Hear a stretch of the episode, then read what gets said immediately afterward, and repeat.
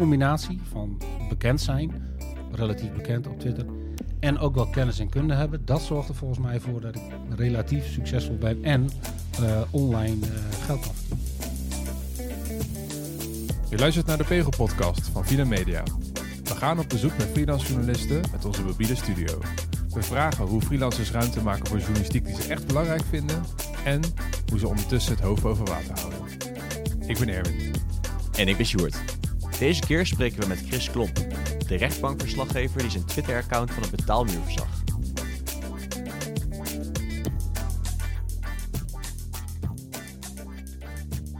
Zo, Chris, kan je vertellen waar we nu zitten? Uh, we zitten bij mij uh, in de keuken, eigenlijk aan de eettafel in uh, het prachtige Amsterdam. Bij ja. mij thuis dus. Ja. Kijk, er komt hier veel werk voor jou tot stand aan deze tafel? Of doe je dat ergens nou, anders? Ja, ik ben toch wel redelijk vaak op de redactie van het Algemeen Dagblad. En ja, de rest van de tijd ja, voornamelijk in de rechtbank en af en toe in mijn eigen kantoor. als ik andere dingen tussendoor doe. wat doe je voor het Algemeen Dagblad? Ik uh, werk op de redactie, gewoon redactiediensten uh, daar. Het algemene nieuws. De nieuwsdesk, zoals wij het uh, heel stoer noemen. Ja, de, de nieuwsdesk. De nieuwsdesk. International. De nieuwsdesk, ja. Je bent, je bent een echte wire-watcher. Zowel binnen- als buitenlandredactie vorm ik af en toe samen met mijn collega's. Ja, ja precies. Ja. Wij zijn hier al een tijdje bezig met het project. En we vragen veel journalisten naar hoe ze het hoofd boven water houden. En hoe ze ruimte maken voor projecten die ze echt belangrijk vinden. En dan zeggen journalisten die wij spreken, zeggen dan moet je Chris Klomp hebben. Want die heeft het zo slim aangepakt. Ja, ja ik heb net... net uh, ik zei gelijk, meer dan gelijk. ik, ik, had, ik had hiervoor ook een interview. Toen zei ik van, ik ga zo meteen naar Chris Klomp. En toen kreeg ik gelijk terug van, oh ja, ja dat is Chris Klomp. Die, uh, die pakt het zo lekker aan met zijn Twitter-account en zo. Dus uh, we komen eigenlijk verhaal halen. Dat mag. Ja, vertel. Uh, vertel ons je geheimen, Chris Klomp. Nou ja, het begon eigenlijk een beetje uh, lullig. Want ik, had, uh, ik werkte toen nog in Groningen, op de rechtbank in Groningen. Onder andere voor RTV Noord en Dagblad van het Noorden. En ja, RTV Noord die besloot eigenlijk om afstand van mij te nemen, afscheid van mij te nemen. Ze gingen met een persbureau in zee. En toen zat ik met een, een gat van 1000 euro per maand. Um, en toen dacht ik, ja, ik moet wel iets doen. Ik sta bekend als rechtbankslaggever, dus zomaar uit die rechtbank gaan, dat is ook wat. Ik had toen denk ik 12, 13.000, 15.000 volgers op Twitter. En ik denk dat ik een jaar of vijf, zes al vanuit de rechtbank verslag deed op Twitter. En ik dacht eigenlijk, wat als ik mensen er nou voor laat betalen? Het was eigenlijk een beetje een, uh, ik wil niet zeggen een wanhopige poging, maar ik wist totaal niet waar het naartoe ging. Dus ik heb eigenlijk een, een gesloten account, Twitter-account gemaakt en gezegd, jongens, jullie kunnen volgen. Dan krijg je van mij een berichtje of je dan 3,90 uh, per uh, maand wil betalen. Ik had totaal niet verwacht dat het uh, zou gaan lopen. Maar na 24 uur stond er 500 euro op. En na 48 uur bijna 1000 euro. Dus er waren heel veel mensen bereid om daarvoor te betalen. En Wat waren dat voor mensen? Ja, nou ja, ik denk dat... Ja, ik vind het woord fanbase altijd een beetje raar. Maar ja, als je jarenlang rechtszaken verslaat op Twitter... dan heb je wel een aantal mensen die daar blijkbaar waardering voor hebben mensen die weten wat je, wat je brengt. En ik denk dat het in het begin vaak mensen waren die, die op de gunfactor mij gingen volgen. Er waren ook mensen bij die het uh, ja, wel een leuk experiment vonden. Uh, mijn vader vond het vooral leuk om zijn zoon te steunen. Dat soort mensen. Dus ja, het, het, ja. is, het, is, een soort mix van juristen en, en, en mensen die al heel lang uh, volgen. advocaten. rechtbank Noord-Nederland zat erbij. En een aantal mensen die gewoon ja, het leuk vindt om rechtszaken te volgen ja. via Twitter. Want, want, waarom ben je in eerste, instantie verslag gaan doen via Twitter? Ja, nou ja, dat was. Kijk, Saskia Belleman staat nu enorm in de belangstelling. Maar uh, eerder wie eerder toekomt. De Rob Zijlstra, rechtbankverslaggever van Dagblad van het Noorden, die begon ermee. En ik zat natuurlijk in dezelfde rechtbank als hij naast hem. En ik dacht, nou ja, gewoon om uit te proberen. Het is natuurlijk een fantastisch medium. Omdat je, kijk, no normaal, vroeger uh, dan zat je met je kladblokje en dan zat je urenlang te luisteren naar zo'n rechtszaak. En dan ging je naar de perskamer en dan maakte je er een berichtje van. Dat stuurde je naar de krant en dat kwam dan de volgende dag uh, naar buiten. Ja, en in een tijd waarin online een steeds grotere rol speelt, is het natuurlijk fantastisch dat je gewoon real life uit die rechtszaal kunt twitteren. Radio kan niet, hè, je mag niet een hele rechtszaak opnemen. Maar Twitter is natuurlijk ideaal om, om alles wat naar voren komt. Hè, want een, een krantenstuk bijvoorbeeld is 350 woorden max. Dus dan moet je heel erg uh, uh, schiften. Twitter is ongelimiteerd. Twitter is ongelimiteerd. Dat was wel grappig, want Jan Tromp, ik was bij Radio 1 was ik, en Jan Tromp die, die zat aan de andere kant van de lijn en die vond het maar een wanhopige poging, dat twitteren. Ja, zei hij, je hebt maar 140 tekens. Dus dit, dat hele idee dat je via Twitter niet alles naar voren kan brengen. Je hebt natuurlijk oneindig veel tweets om zo'n zaak urenlang naar voren te brengen. Je kunt alles benoemen. En, en de, de, sfeer, uh, wat mensen zeggen, hoe mensen erbij zitten. En dat, dat, dat, kan bij een ander medium, een krant of radio, natuurlijk niet. Hmm. Dus Twitter is eigenlijk heel erg geschikt uh, voor rechtszaken. En hoeveel volgers heb jij nu met uh, Real Twitcourt? Ja, ik denk op de hoogtijdagen dat het er 450 waren. Het zijn er nu, ik heb laatst uh, een aantal wanbetalers eruit gegooid. Ik denk dat ik een harde kern... Ja, dat zijn mensen die dan één keer betalen en dan na een maand niet meer betalen en niets van zich laten horen. Um, dus ik denk dat ik nu een harde kern heb van 250 mensen. Dat zijn echt mensen die bereid zijn, al jaren trouwens, om te betalen. En dat zijn ook mensen die vaak een automatische overboeking hebben ingesteld, zodat ik niet die enorme administratieve last heb. Dus ja, daar ik blijft zeggen, want het lijkt me best veel werk als je op een gegeven moment een betaalmuur optuigt. Moet je ook gaan controleren inderdaad of mensen blijven, ja. uh, blijven betalen en zo. Want je kan niet een betaalsysteem aan Twitter koppelen, neem ik aan. Dat als iemand ontvolgt of dat iemand jou volgt, dat hij dan... Ja, dat, hoe, Klopt. hoe werkt dat? Ja, ik heb een bevriende IT'er, die heeft dat wel voor mij in elkaar geknutseld. Maar uh, dan ben je dus afhankelijk van de Twitter API, heet dat geloof ik. Dus ben je afhankelijk van het systeem. Als ze daar iets verkeerd zetten of ombouwen, dan ben je het alweer kwijt. Dus ik heb een enorm lange Excel-sheet. Met, hè, want het lullig is, niet iedereen komt gelijk. En de een begint op die maand, de ander begint op die maand. En het wordt onderverdeeld in weken. Dus eigenlijk ben je iedere week aan het kijken wie een nieuwe abonnementsperiode moet hebben. En die moet ook een DM'tje hebben, een privébericht. Van, goh, u moet weer betalen. Dus daar ben je iedere week mee bezig. Dat is echt wel een nadeel. Mm. Hoeveel uren ben je daarmee kwijt dan? Nou, kijk, een, een rondje administratie. Uh, je moet je voorstellen, uh, je moet eerst vanuit je bank-app al die microbetalingen van 3,90 invoeren in de Excel-lijst. En dan moet je kijken wie aan de beurt is, wie nog niet betaald heeft. Dat moet je opzoeken. Dan moet je ze allemaal een DM sturen. Dus ik denk een, een administratierondje die we iedere week moeten doen. Gebeurt niet altijd, moet wel. Dat is zeker 2,5 tot 3 uur uh, ben je daar s'avonds mee bezig. Ja, ja. En dat, dat, dat is iets wat je niet vaak hoort. Als je als het gaat over zijn Twitter-account, het, het, is vaak in de trend van, nou, dan, dan doe je gewoon een slotje erop en dan uh, gaan mensen wel betalen of zo. Ja, nee, valt heel erg tegen. Je moet ten eerste mensen bereid zien om überhaupt te betalen. Want heel vaak als er nieuw, nu nieuwe leden bij komen en ik stuur ze een DM'tje dat het geld kost. Nou, je wil niet weten wat, wat je er allemaal uh, over je heen krijgt. Een belachelijk, ik betaal hier nooit voor. Een uitzuiger en je hebt toch werk. En Saskia Belleman doet het ook gratis. Ja, dan kun je wel uit gaan leggen dat Saskia het niet gratis doet, maar door, oh, op een andere manier wordt betaald, namelijk door de Telegraaf. Maar je, je krijgt ontzettend veel weerstand. En het kost inderdaad veel tijd om alles bij te houden. Ja, en het kost denk ik ook veel tijd om, om mensen uh, zover te krijgen dat ze jouw Twitter-account vinden. En dat is eigenlijk weer de andere kant van, van hoe jij op Twitter actief bent. Je hebt natuurlijk je eigen account. Je bent een hele fanatieke twitteraar. Was. Het valt mij nu. Was, ja? Ja, ik, ben, ik ben iets rustiger geworden. Ja. Waarom?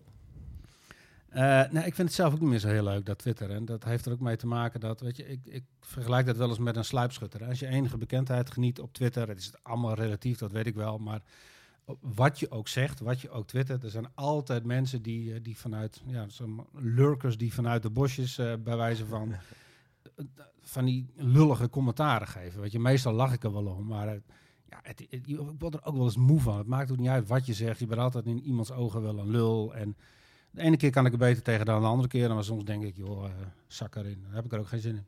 Maar ben je op Twitter een soort persona? Uh, ja, dat denk ik wel. En daar heb ik ook, het zou stom zijn om dat te ontkennen, daar heb ik ook wel bewust voor gekozen. Hè? Want uh, toen Twitter opkwam, uh, zag je natuurlijk dat mensen hadden 400, 500 volgers en het waren dan bekenden of, of, familie. En ik denk dat ik al wel vrij snel door had dat je, als je iets wil bereiken als freelancer, hè, anders dan in dienst zijn van een uitgever, dan moet je jezelf profileren. Dan moet je een, een, een podium creëren. Nou, ik was natuurlijk een redelijk onbeduidende rechtbankslaggever uit Groningen.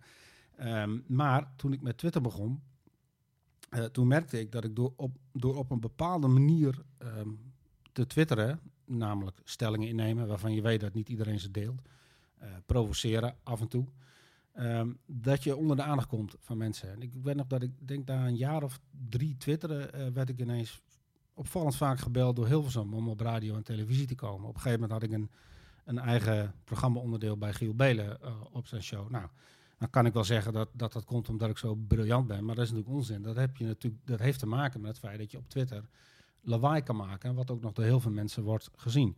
Ik moet ook zeggen, op een gegeven moment kreeg ik door dat uh, geen stijl provoceren ook wel heel goed uh, werkt.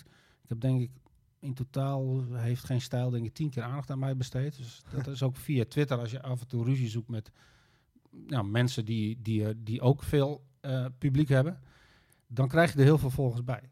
Maar Ik wat- moet wel wat zeggen, deed het je dan bijvoorbeeld bij Geen Stijl? Ging je dan gewoon in op specifieke posts van... Ja, nee, ja, zeker. En ik heb ook wel eens eh, voor, ik heb vroeger voor Joop gewerkt en daarna de Post Online. Heb ik ook wel eens hele verhalen geschreven over hoe, hoe venijnig en vals ik geen stijl vond. Maar het kwam inderdaad ook voor dat ik met Bart Nijman of, of anderen van geen stijl echt de discussie aanging. En dan zie je dat, dat al die volgelingen van geen stijl over je heen vallen. Dat creëert een hoop ruis. En dan kun je van zeggen, ja, dat, dat, wat heb je eraan? Nou, wat je eraan hebt, is dat er ook heel veel mensen zijn die dan denken, hé, hey, dat is interessant. Die ga ik volgen. Nou ja, en, en zo loopt het op tot 20.000 volgers. En dat, dat, je kunt dat narcistisch noemen, maar je hebt die, die, die basis wel nodig als je iets in de markt wil zetten. Of als je bijvoorbeeld je verhaal op Blendel wil verkopen. De, je moet, je moet, mensen moeten gewoon weten wie je bent. En dan zijn ze wel bereid om online geld voor je te betalen. Maar jij dus, dus jij hebt, eh, het lijkt me wel lastig als je zo'n online persona hebt, die, die, die gewoon met gestrekt benen ingaat, keiharde meningen heeft en ook, en ook soms gewoon, gewoon bot en lomp is Zeker. tegen mensen. Zeker. Die, jouw persona heet ook Chris Klomp. Ja. Eh, Hoe, hoe, hoe, wanneer, wanneer houdt het op met een persona te zijn? Nou ja, kijk, ik, ik denk dat je als, je als je puur het provocerende en het lompen eh, doet, dat je op Twitter wel groot kan worden, maar dat daar verder geen verdienmodel aan vastzit. Ik denk dat mensen, in, veel mensen zullen mij inderdaad zien als lompen en bot. Eh, maar ik denk dat de mensen die wat verder kijken ook wel zien eh, dat ik wel op mijn vakgebied, namelijk misdaadverslaggeving, maar vooral rechtbankverslaggeving, dat ik wel iets kan. En dat ik, dat ik daar wel veel kennis en kunde in heb. En die combinatie van bekend zijn, relatief bekend op Twitter, en ook wel kennis en kunde hebben, dat zorgt er volgens mij voor dat ik relatief succesvol ben en eh, online eh, geld kan verdienen. Je zegt eh, relatief succesvol. Wat, wat zou je voor jou echt succes zijn?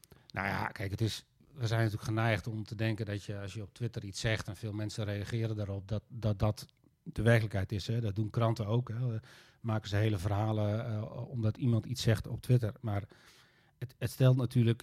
Ik, ik denk wel eens, dan heb ik ruzie op Twitter en dan schelden mensen me uit. En op het moment dat je die telefoon uitzet en naar buiten loopt, weet je, wel, dan is er niemand die je uitscheldt. Het is natuurlijk allemaal relatief. Dus mijn bekendheid op Twitter is ook relatief. Ja. Het is niet zo, zo heel groot, maar en d- dat is volgens mij wel, wel de kern. Want iemand zei ooit tegen mij dat Real Twitcourt gaat nooit werken, want je krijgt nooit 10.000 volgers die betalen. En dat is, de kern is dat je die als zelfstandige journalist ook niet nodig hebt. Ik ben geen telegraaf of persgroep. Ik hoef niet 200.000, 300.000 producten te verkopen of kranten te verkopen. Ehm, als je 400 volgers hebt, dan, dan eh, keer 4, want dat is de maandprijs, dan heb je dus, ik heb dus lang, lange tijd gewoon 1600 euro per maand binnengeharkt met dat Real Twitcourt. Ja, eh, ik heb daar weinig kosten aan, dus perfect voor mij. En als we nou, als we nou eh, kijken naar het aantal accounts die hetzelfde doet als jij. Daar hadden we het net al over voordat de opname begon. Eh, wat jij doet klinkt best logisch. Je hebt een expertise, je zet jezelf in de markt. Je, jij doet, dat, je doet het met een persona. Je hebt heel veel andere manieren natuurlijk om dat, om dat aan te pakken. Waarom zijn er niet honderd van dit soort accounts in Nederland dan? Ja, daar heb ik me wel over verbaasd. Want ik denk, kijk, als jij veel weet van Ajax en je bouwt een accountje, dan, dan zullen er ongetwijfeld eh, drie, vier, vijfhonderd mensen zijn die, eh, eh, die daar geld voor willen betalen. Of in een grote stad volg je de gemeenteraad. En, en wat het grote probleem is dat mensen zeggen, ja, je hebt heel veel volgers nodig. Nou ja, dat is dus niet zo. Maar goed, waarom niet meer mensen doen? Ja, dat is een vraag die je aan die andere mensen moet stellen. Ja. Ik- of ze komen er niet op, of ze denken dat het niet werkt. Ja, misschien durven die mensen niet om zo, om zo, zo bot te zijn zoals jij soms bent. En zoveel Ja. reuring te veroorzaken, omdat ze denken dat dat... Maar is, is het ook niet Ja. naïef om te denken dat je zomaar eh, kan gaan doen wat, wat jij doet, Chris?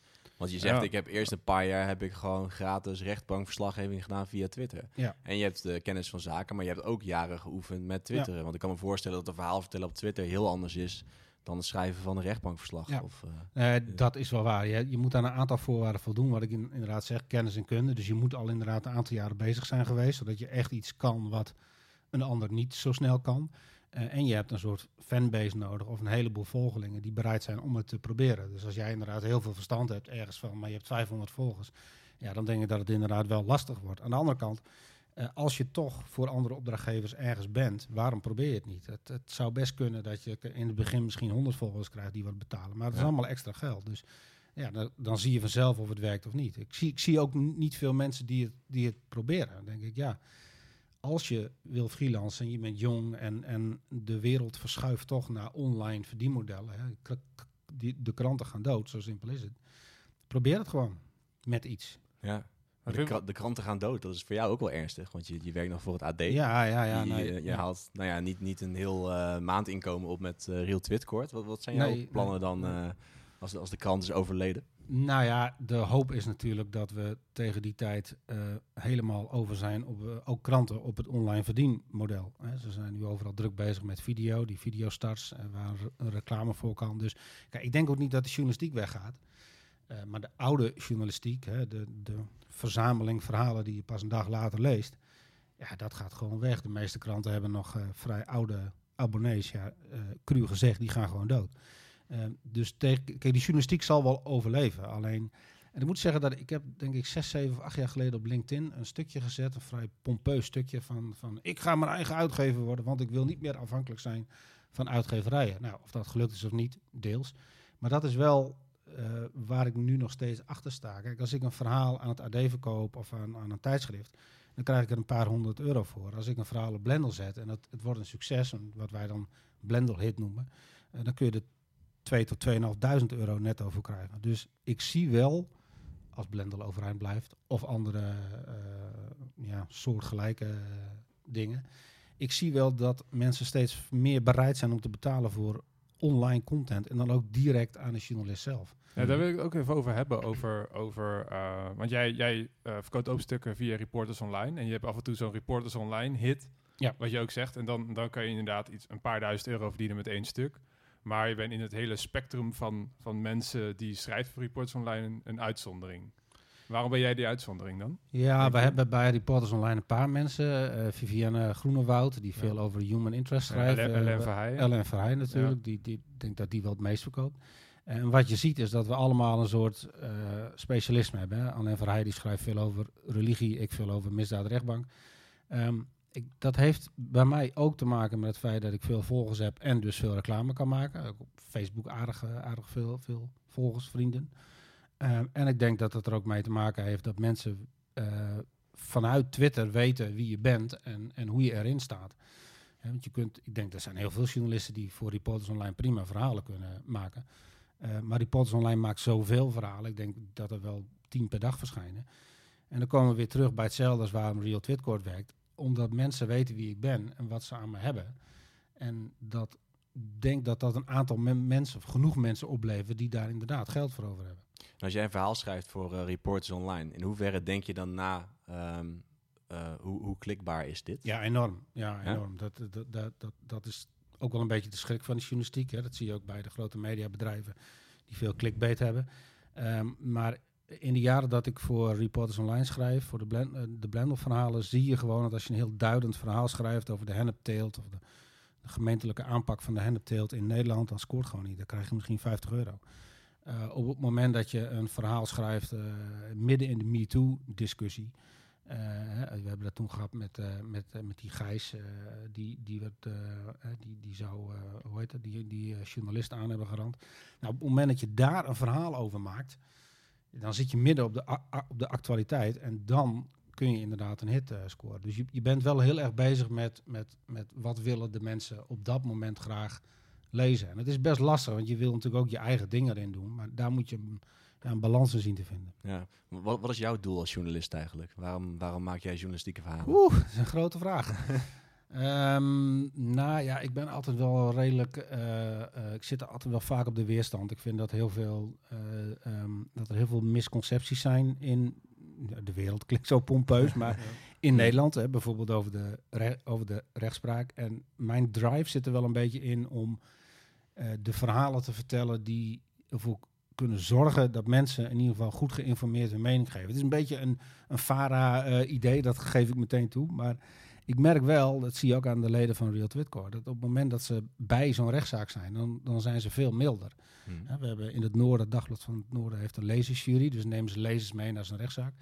En dan zie je dat, dat, dat die lezers eigenlijk veel genuanceerder over dingen gaan nadenken. En ik denk dat dat wel de taak van de journalistiek is om ja, te proberen de waarheid zo dicht mogelijk te benaderen, zodat mensen zonder eh, gebruik Ja. te maken van hun Ja. onderbuik. Dat klinkt wel Ja. grappig, want het is eigenlijk eh, eh, nuanceren, maar door te polariseren op Ja. Twitter. Omdat Ja. je dan die, die volgers hebt. Ja, Ja, dat klinkt wel tegenstrijdig. Dat klinkt heel Ja, tegenstrijdig. Dat is ook tegenstrijdig. Ik, ik heb daar altijd een conflict over met een vriend van mij, een kameraad van mij, die is documentairemaker. En die maakt prachtige documentaires, echt waar.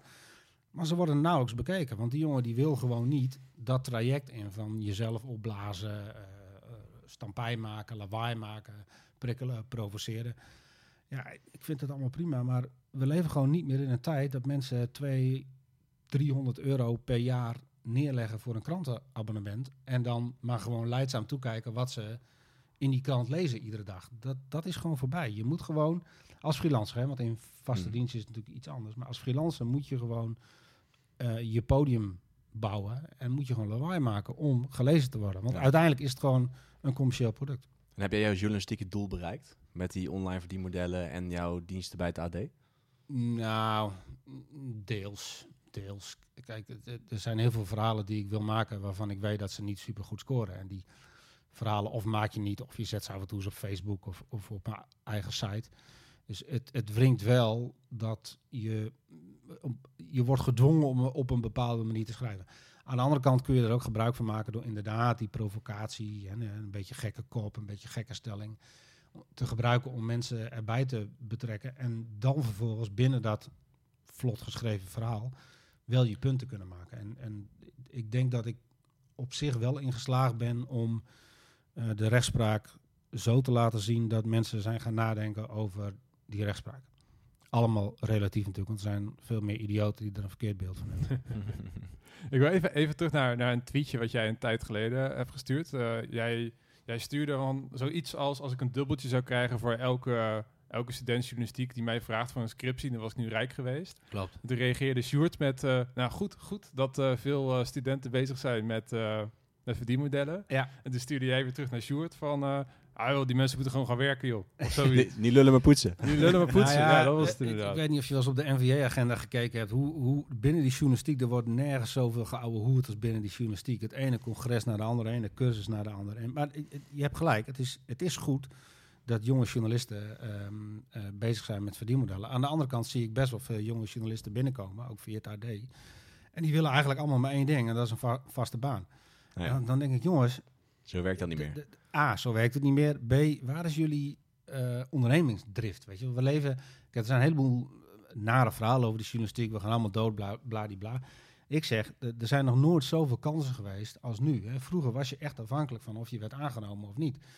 Als je niet werd aangenomen, kon je gaan zeuren en leuren bij grote opdrachtgevers die je vervolgens afschepen, want iedereen doet dat. Nu, juist nu kun je je eigen uitgever eh, zijn.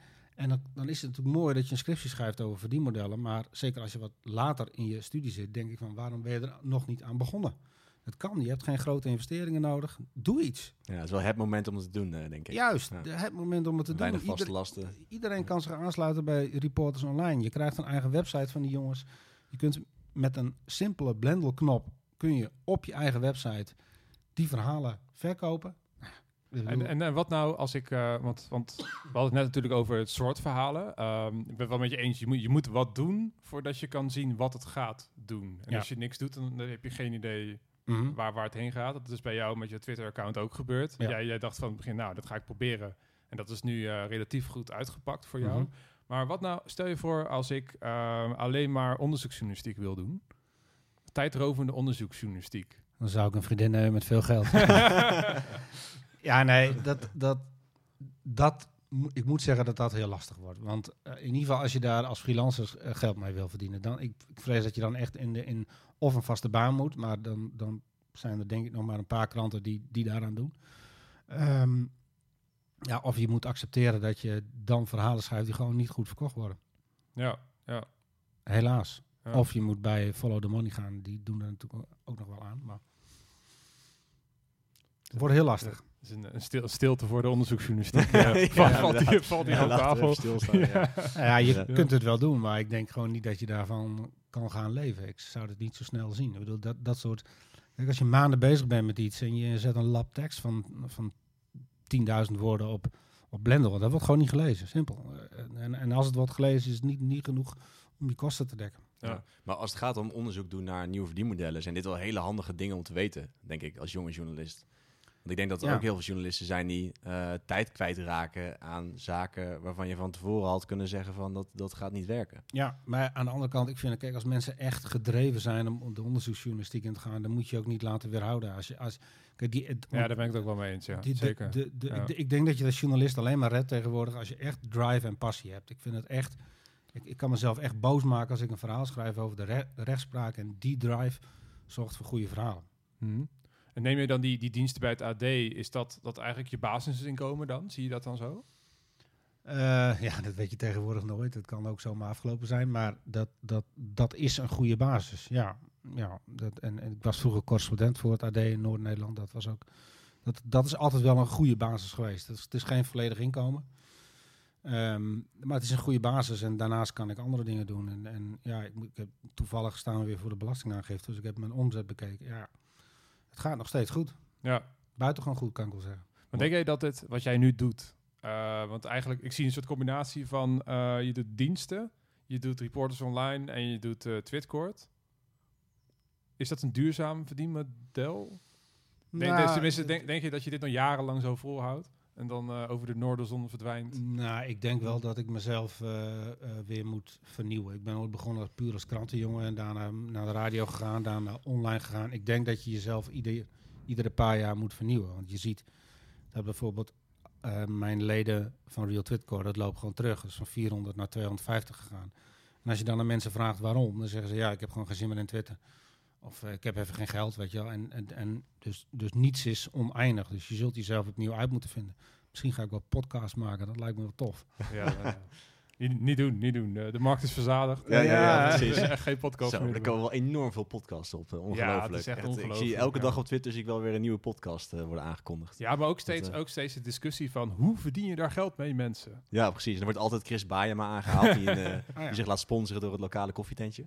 Ja, ja. Ja. ja, Ja. dat is een van de weinigen die nu een sponsor heeft. Hoewel er steeds meer platforms nu, nu aan het ontstaan zijn die dan facilitair werken. Die zorgen dan voor een sponsor voor een bepaald soort podcast. Ja. Maar dat staat nog vrij in zijn kinderschoenen ten opzichte van Amerika. Ja, er moet een soort Spotify-model ontstaan. Of eh, ja, in ieder geval dat je wel wordt betaald voor die eh, podcast, lijkt mij. Ja, ja, precies. Hey, maar heb jij nog serieuze toekomstplannen? Want je zei, misschien ga ik wel iets doen met podcast. Maar heb je, heb je iets wat je op de korte termijn wil gaan uitproberen? Of, eh, Nou ja, ik zit er wel aan te denken om, om video te koppelen aan Real Twitcourt. Dus dat je zeg maar na de zitting eh, ja, toch nog even een stukje van de advocaat opneemt. Of van een offic- per- persofficier van justitie. hmm. Eh, dat lijkt me op zich wel leuk om te proberen, maar ik ben bang dat het niet zo heel veel toevoegt. eh, omdat mensen van Real Twitcourt, de leden zijn er echt, die vinden het echt leuk om s'avonds als ze trui- thuiskomen nog even die tweets eh, door te lezen.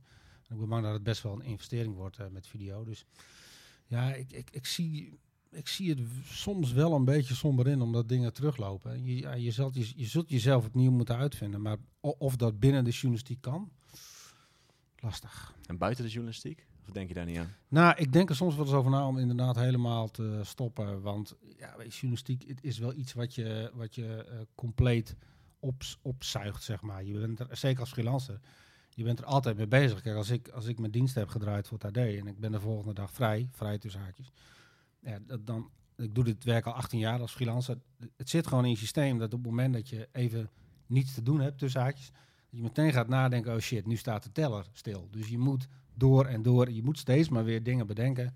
En soms denk ik, ah, ik ben er ook wel eens gewoon een keer zat van. Ik ga iets anders doen. Ja. Maar goed, ik ben natuurlijk niet voor niets journalist geworden. Dat betekent dat je weinig anders kan. Dus eh, nee, ik ben. Persvoorlichter. eh, Ja, nooit. Nee, dat, vind- dat vind ik van die overlopers. Chris Klomp, de communicatie. Ja, nee, Als die dag ooit komt. Ja, dan, eh, ik zou niet met mail in de mond kunnen praten. Dus het is, is Mm. of inderdaad iets nieuws in de journalistiek. ja. Eh, maar goed, ja. eh, En een combinatie van journalistiek en niet-journalistiek werk, dat, dat zie je bij de meeste freelancers doen tegenwoordig. Als wij Ja. voor ons project iemand benaderen, dan krijgen we meestal de reactie van... ja, ik weet niet of je mij wel moet hebben, want ik doe heel veel commerciële klussen ernaast. Ja, Ja, ik bijna antwoorden van, we hebben bijna nog geen journalisten gesproken die dat niet doen. Ik heb het een jaar gedaan. eh toen moest ik op een gegeven ogenblik voor de gemeente Groningen moest ik een eh, brochure in elkaar flansen. En dan moest ik bij de wethouder op bezoek. Die deed iets met wonen. En dat moest een juichend verhaal worden over hoe goed ze aan het bouwen waren in die stad. Terwijl ik, want toen weet ik ook al als journalist, wist dat het helemaal niet zo goed was. Dat heb ik één keer gedaan en toen dacht ik van ik zit mezelf hier zo eh, te verlogenen. Ik, doe, ik ga geen commerciële klussen doen. Dan eh, word ik wel ijsboer of zo. Of, weet ik wat. Zo commercieel. nee, het past gewoon totaal niet bij mijn karakter. Ja. Ik vind dat wel grappig dat we dat dan dat we die, die afsplitsing maken in de journalistiek. Van dit is wel commercieel en dit is niet commercieel. Ja, Terwijl de journalistiek is ook commercieel. We hebben het net over Ja. die modellen gehad. dat is wel waar. Alleen je- het is wel zo dat als je gaat werken als journalist, dat je wel zelf bepaalt waar je verhaal over gaat. En op het moment dat je in dienst bent van een gemeente of van een bedrijf, dan wordt dat wel iets eh, anders. Ja. Ja, ja precies. Ja, Maar bovendien, ik kan ook geen commerciële klussen erbij want ik zit nog steeds op 60, 70 uur per week eh, werken. Dus eh, ja. ik zou niet weten waar ik de tijd dan vandaan moet halen. Drukke weken. Ja, het zijn hele drukke weken. Ik zie dat we aan de tijd zitten. En de vorige keer toen ik eh, af wilde kondigen, toen werd ik bijna gelyncht door Stuart. Omdat hij nog een vraag had. Dus eh, heb jij nog een vraag? Nee, ik ben er helemaal doorheen, nee, Erwin. En heb jij nog wat te dus, zeggen, eh, Chris? Rond eh, rustig af. Eh, Wat, wat, wat wil je meegeven aan een beginnende freelancer? De, de Chris Klomp one-liner, die willen we nu... eh, Niet lullen, maar poetsen. Niet lullen, maar nou, poetsen. eh, Doe iets, inderdaad. Eh, eh, ga niet zeuren en zaniken, maar begin iets. En, en vooral onderneem. Want eh, wachten tot iemand je in dienst neemt, is er niet meer bij. Aan het werk. Je luisterde naar de Pegel Podcast. Deze podcast wordt mogelijk gemaakt door het Lira Auteursfonds Reprorecht. Ben of ken jij een freelance journalist met een goed verhaal? Stuur een mailtje naar pegel.vilamedia.nl Bedankt voor het luisteren en tot de volgende aflevering.